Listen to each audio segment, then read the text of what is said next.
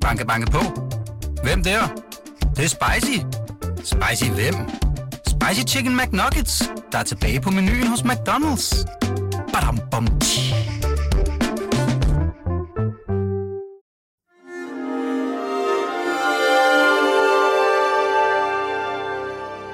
Du lytter til Avistid, en podcast fra Weekendavisen.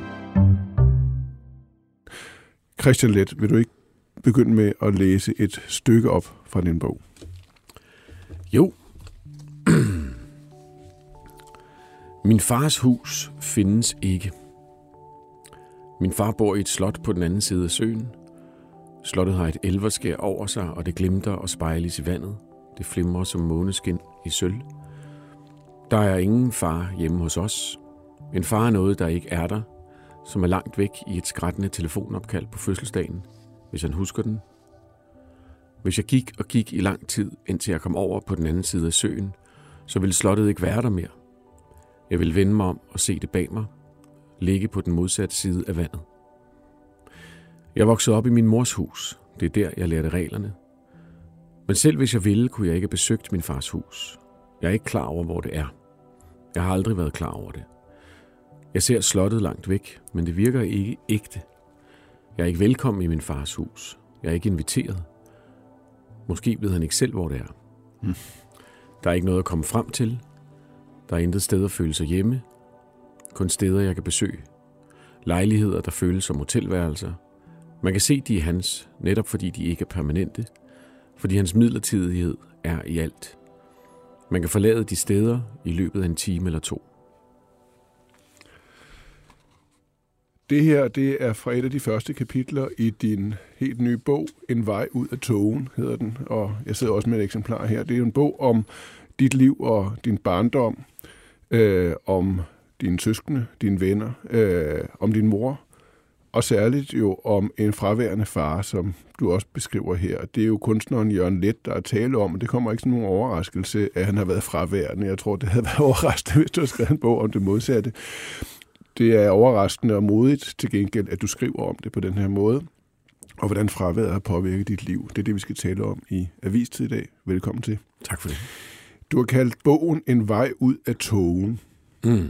Der gemmer sig noget bag togen, skriver du. Hvad mm. er det egentlig, der gemmer sig? Øhm, jamen, det er jo mit liv, kan man sige. Altså, det, det, det er næsten en sætning. Mm. Øhm, og det var fordi, at, øhm, at det der billede af togen, det stod, altså det, det, billedet er, at der ligger sådan, jeg kan ikke huske min barndom, simpelthen. jeg kan ikke rigtig huske mit liv i detaljer. Og det er noget, der gik op for mig, da jeg begyndte at møde andre mennesker, øh, som, som kunne referere til deres øh, folkeskolelærer og, og, og klassekammerater og alt muligt. Og, og så kunne jeg pludselig se, at jeg... Det var, det var meget sådan... Øh, øh, generelt, det jeg kunne huske. Altså, der var en masse følelser, men så var det sådan lidt forløb i, i, det, i store træk. Det er bullet points på en eller anden måde. Ja. Har det noget med fraværet at gøre? Ja, det jo ved jeg jo ikke. Mm. Altså, det, det, det er jo... Altså, man kan sige, man kan meget let psykologisere over det. Ikke? Det, det, det synes jeg er meget enkelt at, at komme med en anden tese om det, men, men, men det er mig, der teoretiserer. Øh, fordi jeg har også mødt andre, som ikke kan huske noget. Der er også mange, der har haft lignende oplevelser, eller meget værre, som kan huske det hele. Så lad os prøve på en anden måde. Øhm, her på side 88, Christian, skriver du øh, følgende. At glemme det, der definerer en, forekommer mig at være det mest inderligt tragiske, der kan ske for en. At finde det igen må være det samme som at blive hel. Mm. Hvad har din metode været til at genfinde de punkter, som du så forsøger at forbinde i bogen her? Det startede som et arbejde med at prøve at sætte mig ned med en notesbog og helt konkret skrive ned, hvad jeg kunne huske. Fordi øh, at øh, jeg var nået til et sted i mit liv, hvor at jeg tænkte, nu må jeg prøve at gøre noget ved det her.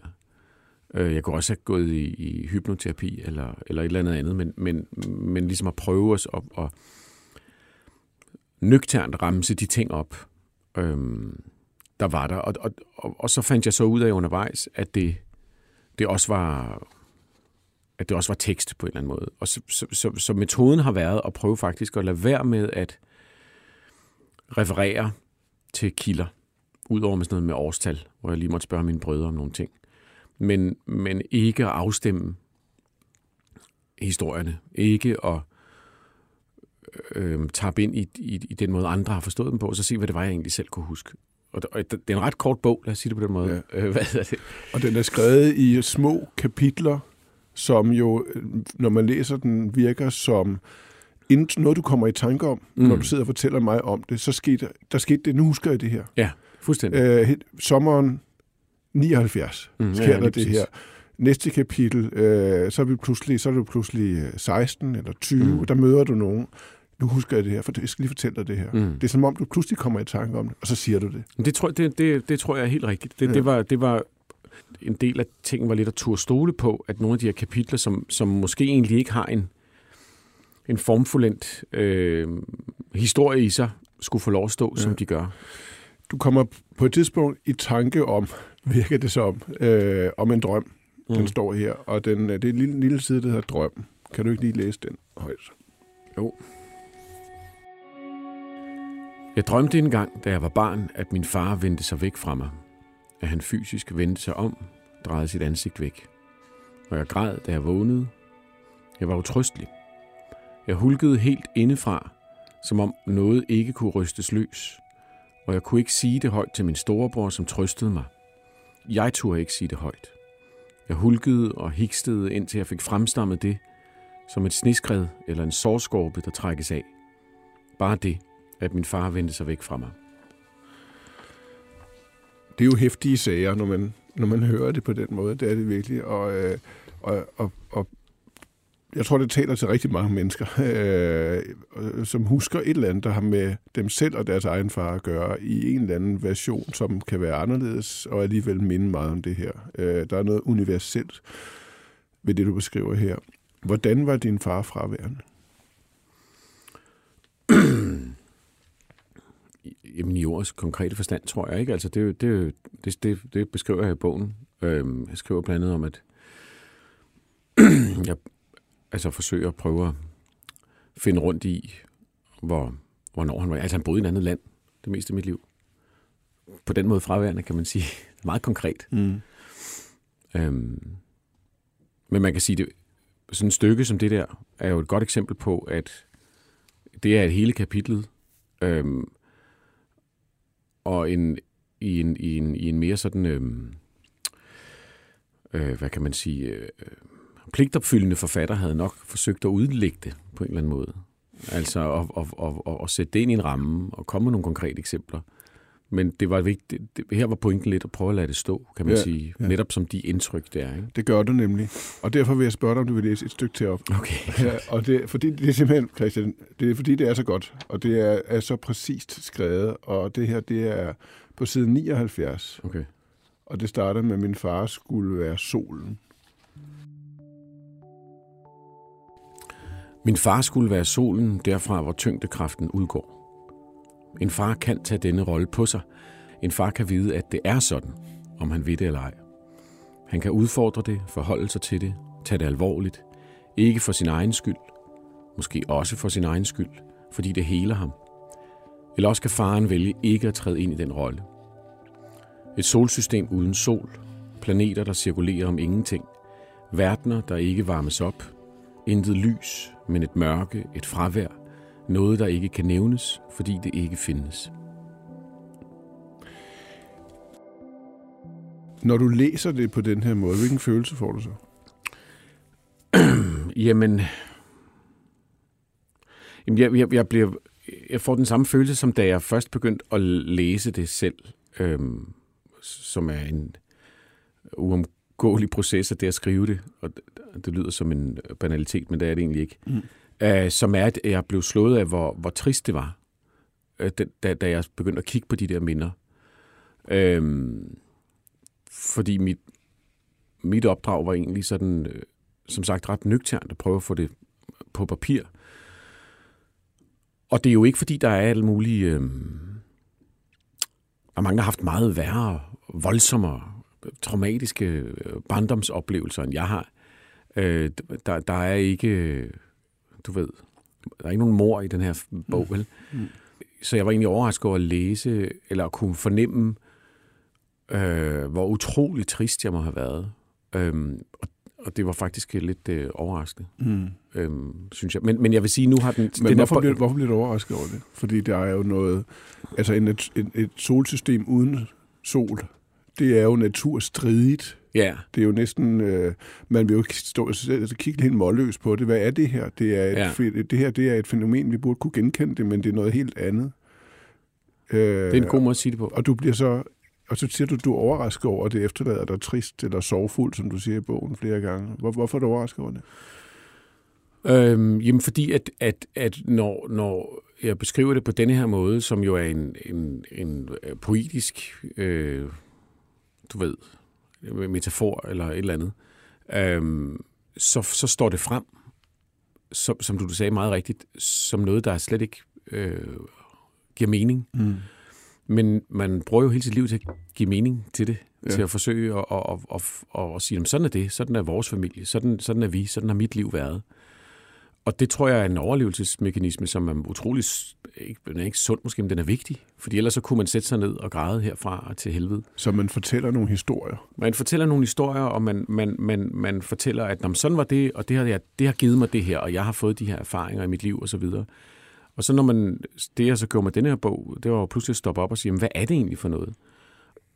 Den amerikanske forfatter Joan Didion har sagt noget i retning af, at vi fortæller os selv historier for at kunne overleve. Det er det, du er Mm. inde på her også. Ikke? høj grad. Hvad er det for en historie, du har fortalt dig selv om dig og din far, for at gøre det mindre trist?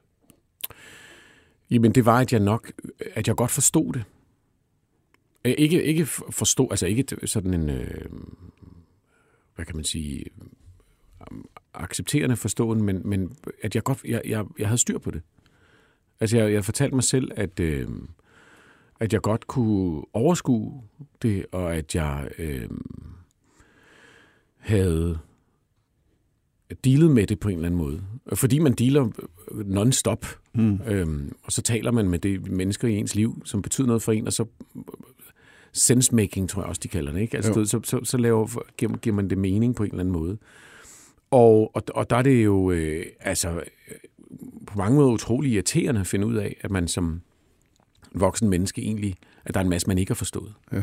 Så, så, så, så jeg tror faktisk, det er det, der er historien. Jeg, jeg troede, jeg forstod det, og jeg troede, jeg havde styr på det, og jeg troede, jeg havde lagt det på en hylde, hvor det var til at gå til, øh, og hvor man så kunne gå videre fra.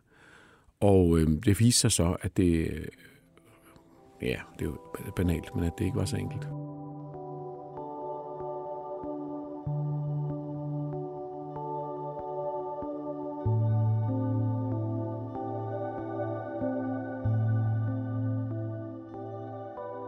Har det hjulpet dig at skrive bogen? Øhm, Jeg kan godt lide, at du ikke bare svarer ja til det. Ja, men det er fordi, at, at jeg, øh, som sagt, den har ligget i to år, fordi at den var vigtig at skrive. Øhm, og nu er der så en anden historie, som handler om at udgive det. Og ja, det har hjulpet, men, men ikke, det er ikke det samme som at gå til en psykolog. Og på mange måder er det ikke lige så godt som at gå til en psykolog. Øh, på nogle måder. Hvorfor- Men, men ja, Hvorfor har du så skrevet den? Altså, hvorfor har du behov for at dele det med os andre?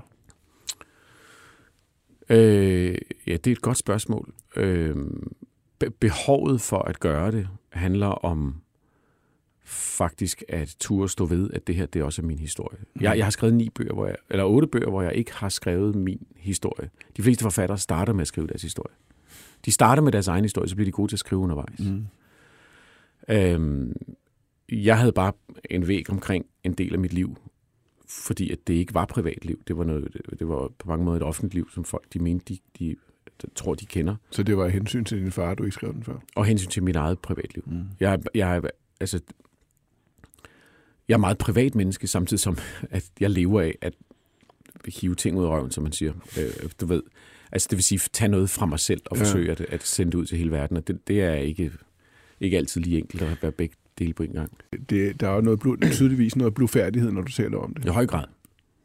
høj grad. Selvom du har en bog liggende ved siden af, hvor du har fortalt om meget personlige ting, så er Men det, det- stadigvæk blufærdigt for dig I høj at grad. tale om. Hu- 100 procent. 100 procent. Det, det, er, det er det virkelig, og, og det er også derfor, den lå i to år. Og der står det, der står i bogen. Ja, det er en meget, meget fin bog. Meget interessant og fascinerende. Man går ind i den øh, lidt nervøs, fordi man kender din far så godt. Mit navn er Jørgen Let. Vi har alle sammen et forhold til din far. Jeg er digter, filmskaber, journalist, cykelkommentator. Jeg bliver også lidt nervøs over, hvad har du nu tænkt dig at sige om ham? Min far sagde, du skal huske at bruge dine øjne, søn. Ja, det sagde han. Jeg svarede ham ikke. Men det gør du meget, meget øh, elegant. Det kommer jo slet ikke til at handle om ham. Det kommer til at handle om fædre og fravær på en måde, som jeg tror langt de fleste mænd kan genkende sig selv i. Du holder en balance hele tiden, hvor der er respekt og forståelse, men du går alligevel meget langt, så man forstår nogle ting om dig og din far særligt, som man absolut ikke gjorde før. Hvorfor tror du, han er fraværende? Hvad er det, der gør, det... at din far er så fraværende i dit liv? Det tror jeg, du må tage et program med ham hmm. en dag. Øhm, det er ikke min opgave. Men du skriver, at han, øh, han, han magtede det ikke. Han magtede det ikke. Og du, du nævner også, at det har også noget med hans generation at gøre. Altså, der er i hvert fald en, en øhm, som du sagde før, der er noget universelt i det her. Altså, der er mange af mine venner, der har lignende oplevelser. Og det er ligegyldigt, hvad deres forældre lavede. Om de så var IT-direktører, eller lektorer, eller øh, du ved, øh, hvad som helst, ikke? Rockmusikere. Der er noget med en generation af, af fædre, som, som ikke vedkendte sig øh, deres roller. Mm. Øhm, og som enten øhm, som enten valgte alt det, som de gjorde oprør mod, øh, alle de der stærke manderoller fra, eller også så, øh, så stak de selv af. Ikke? Ja. I, I en eller anden idé om frihed og, og en ny måde at sætte tingene sammen på, og for konventionerne og alt sådan noget der. Ja. Øhm, og det er der alt muligt øh, historisk, filosofisk interessant i, men det har vi også hørt om nu, lige siden, ja. om hvor interessant det var. Ja. Øhm, en af mine gode venner voksede op i et kollektiv, øh, og øh, det slog mig, da jeg talte med ham, at det er stadig de gamle mennesker, fra, som var unge dengang, der fortæller historierne om de kollektiver og alle deres idealer, så kan de måske lige medgå, det var måske lidt rough nogle gange, men vi snakker om nogle børn, der altså gik for lud og koldt vand. Ja. Men de fortæller, der er et eller andet med, at vores generationer, for det er, det er nogle forskellige generationer, øh, fortæller ikke de her historier. Ja. Øhm, fordi at, og, det, og det, jeg tror, en af grundene til, er, til det er, at de historier bliver allerede fortalt. Mm. De, fordi den der generation, de er aldrig stoppet. Du skriver et sted, at du er vokset op med en form for mistro mod alt, alt maskulint. Jo stærkere, jo dummere, skriver du. Ja, lige præcis. Det er jo ret øh, fantastisk øh, og kort, præcist beskrivelse af noget, vi har diskuteret i generationer, havde jeg nær sagt. Ja. Hvordan lærte du om det at være mand på, og hvem lærte dig det? Ja, altså, øhm, så, som har jeg erfaret utrolig mange af mine øh, fælder, så, så, så lærte vi om, om, om maskulinitet og det at være mand af, af kvinder. Og det kunne være, øh, fordi, fordi mændene ofte faktisk bare ikke var der. Og de var der heller ikke i skolerne, det var ikke lærerne, pædagogerne, alle dem, der var konstanter i livet, det, det var næsten udelukkende kvinder. Det er egentlig ikke, det er ikke i sig selv dårligt. Jeg tror, det er en vigtig del at få det blik med, men det var det eneste blik, der egentlig var. Ja. Og det vil sige, at, at, at det der med at være mand, det var noget, der blev defineret af nogen, som... Af kvinder? Ja, af kvinder, af nogen, som ikke var det selv. Øh, ja. Og det vil sige, det var udefra. Og hvad betyder det? Eller hvad betyder det for dig, tror du? Jamen, det tror jeg betød, at jeg selv så øh, maskulinitet som noget fremmed altså som noget, man, man, man, øh, man på en eller anden måde skal vælge fra eller til, som om det var noget at vælge fra eller til. Og her taler jeg ikke om normer og, og, og kulturroller, men jeg taler om øh, de mere grundlæggende faktorer. Nu skal du være mere stærk. Nu skal du være mere mandig, nu skal du opføre dig sådan og sådan. Jamen ja. Fordi og, du er en dreng. Ja, eller, eller endda øh, det at være mand er sådan og sådan. Eller øh, når, hvis, man, hvis man, jeg tror jeg beskriver om det der med at se actionfilm, ikke? Med, med, med stærke mænd. Øhm, hvad hedder det, som er jo karikaturer. Ja. Øh, men det der med at se dem udefra, aldrig nogensinde se dem som noget, der, der, der var en karikatur af noget ind i en selv, man mm. så skulle forvalte. Nej, det er vildt nok. Men ligegyldigt hvad man mener, så, så er der også noget uafvendeligt i det, noget, noget der er umuligt at, at frasige sig. Når man så støder på det, så er det som at støde på noget fremmed. Hvornår støder man på det? Jamen det gør man jo flere stadier i sit liv. Det gør man i puberteten, det gør mm. man i øh, mødet med, med, med pigerne eller kvinderne, hvis man hælder til den side. Øh, man møder det i ideen om ansvar, som, øh, som man skal forsøge at definere, og så møder man det i høj grad som forældre. Mm. Fordi at jeg pludselig kunne se, altså du ved, øh, jeg kommer virkelig fra den mest sådan hippieagtige tilgang til, til, til, hvad det, til, til hvad køn er, hvornår det sætter ind osv. Og, så videre. og så pludselig stå med nogle børn, som forventer noget forskelligt fra en mor og en far.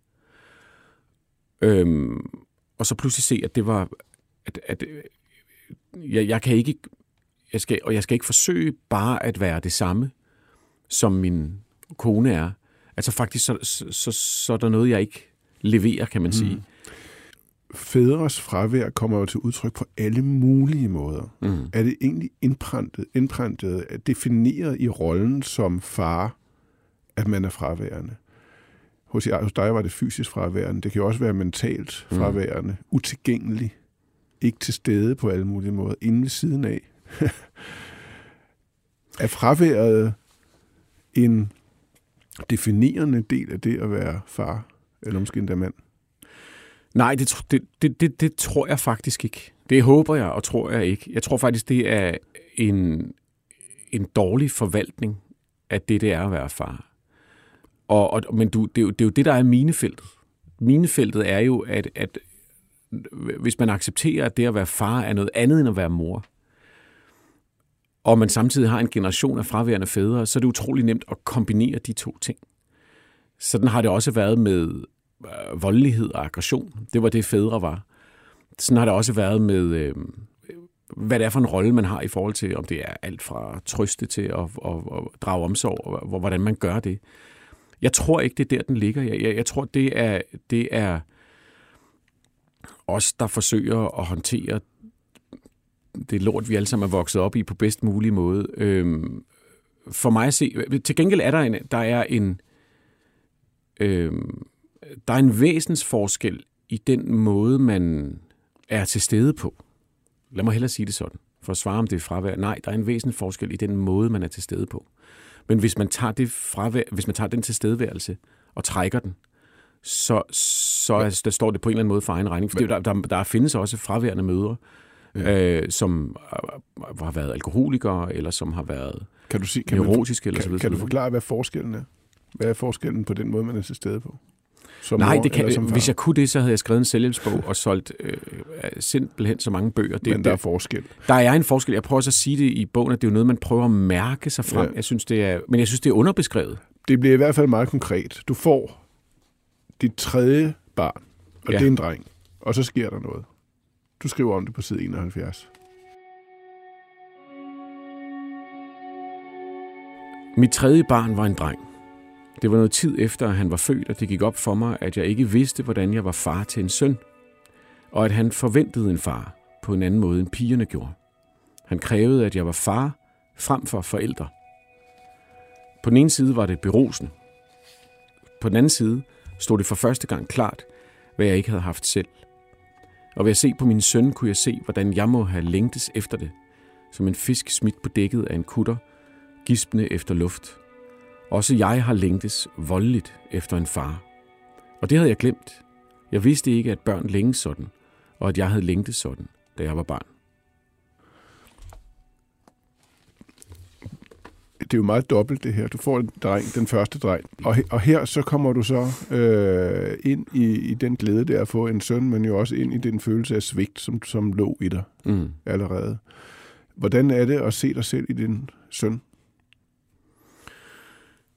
Der, der er noget, hvis man kan tale om noget terapeutisk eller noget helende, så er der jo øh, altså med, chance for at lyde sådan floskelagtigt, så er det jo det, der er at reparere.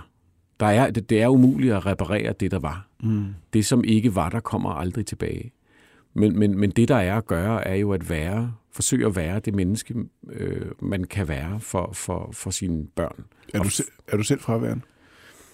Øh, jeg er distræt, og jeg er, er og, og, og jeg har mine quirks. Alle mennesker er også fraværende, men som far er det ikke. Mm.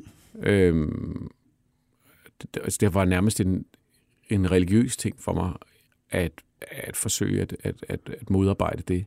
Også, også i en grad, hvor at det, jeg siger det ikke som en eller anden form for øh, renfærdighed, mm. men, men, øh, men, som en, en fuldstændig vild drift for ikke at gøre det samme. Christian, kan man, kan man tilgive en far, der har været så konsekvent fraværende og har valgt sig selv over dig og dine søstre så konsekvent? Kan man tilgive ham? Altså tilgivelse er jo et, et sjovt begreb, fordi at det gik op for mig for nogle år siden, at tilgivelse er noget, der sker inde i en selv. Det er faktisk ikke noget, der sker i forhold til den anden. Og det er, det er en ret brutal realisation eller, eller erkendelse, fordi at øh, det er ikke den anden, der bliver fri for skyld, eller fri for skam, eller fri for øh, de handlinger, de har gjort. Det er, øh, om man selv kan give slip. Når det er sagt, så tror jeg ikke, det er én handling. Jeg tror, det er en, en, en, en aktiv, øh, vedvarende proces. Ikke for at tale udenom, men man, jeg, jeg, tror, jeg tror, hvis ikke jeg selv havde bygget en familie op, som som, øh, som jeg kan være til stede i, så havde det været meget, meget sværere. Men, men det, det, det kan man nok godt. Du, du, du, du kredser lidt omkring i bogen, at det gælder om at undgå, at sorgen bliver til vrede og raseri. Og dermed undgå, nej, ikke, at den, nej, ikke at, at den ikke bliver til vrede og raseri, men at, man ikke, at den ikke bliver til et våben. Præcis. Fordi det, vrede og raseri er, er eddermamer en del af det. Ja. Og hvornår er det så, det bliver til et våben? Altså det, det, det er jo der, hvor at den vrede og raseri, i stedet for at være en følelse inde i en selv, bliver en, noget, man vender mod andre, øhm, for at gøre dem ondt. Ja. Og, og, og det kan føles logisk, at mm. ville gøre andre ondt. Og det, jeg kan ikke undsige mig, at det også har været en del af mit liv. Men forsøget må være at prøve at undgå det. Hvordan Samtidig, har det været en del af dit liv, hvad mener du? Jamen, det, Jamen, altså, der, jeg kommer ikke med nogle detaljer, men, men, men, men det har selvfølgelig været en del af det. Altså, jeg, jeg er 42 år gammel. Ja. Mit, mit forhold til min far står ikke i den her bog. Mm. Det er meget, meget langt. Der er sket mange ting. Vi har haft mange øh, ture. Øh, men så, så selvfølgelig har det også været en del af, af, af min interaktion med ham og med verden omkring mig, at, at, at med vrede og, og, og sådan noget der. Men, men, men hele pointen er bare, hvad er det, der er det styrende princip? Jeg tror godt, man kan fortabe sig selv i at finde en identitet i den vrede, og så er det pludselig egentlig ikke... Øh, så, så får det også lov til at styre en. Mm. Det er jo banalt, men altså... Men ikke, ikke nemt. Nej, men overhovedet ikke nemt. Hvad, hvad synes han om den? Øh, han synes, det er en god bog. Betyder det noget for dig, han synes det? Ja, selvfølgelig. Mm. Det gør det. Det gør det. Christian Let, det var det. Tusind tak, fordi du var med her i Avistid i dag. Vi når ikke mere. Du skal faktisk ud til lufthavnen nu, tilbage til New York, hvor din familie bor. Vi slutter af med at høre, synes jeg, et af numrene fra dit seneste album. Vi kunne høre for eksempel det, der hedder Den Episke. Programmet er tilrettelagt og produceret af Birgit Nielsen Petersen, Marie-Louise Vesthardt og Lea Skovbo Børk, og jeg hedder Martin Krasnik.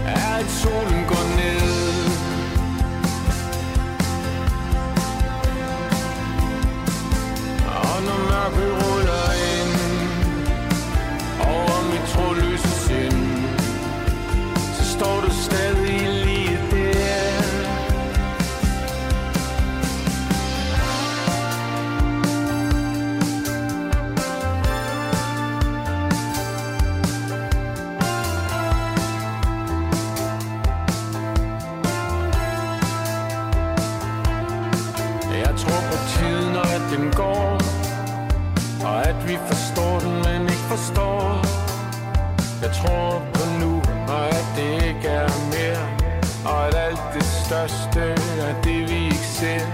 Jeg tror på min krop og min krop i din. At jeg vandrer alene, men at vi deler en sti Jeg tror på mit åndedræt, på at holde mig i liv. på ånden og på kærligheden og på tillid og medicin. Jeg tror på stillhed efter storm. Jeg tror på, at der kommer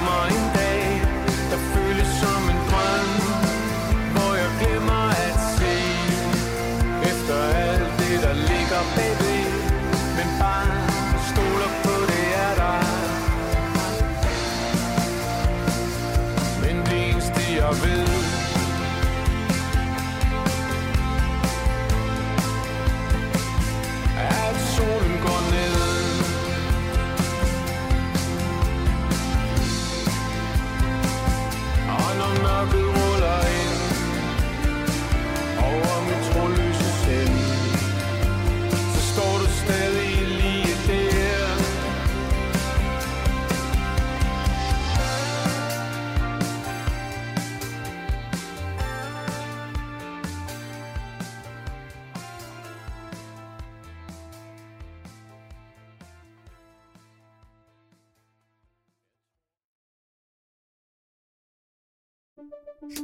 Banke, banke på.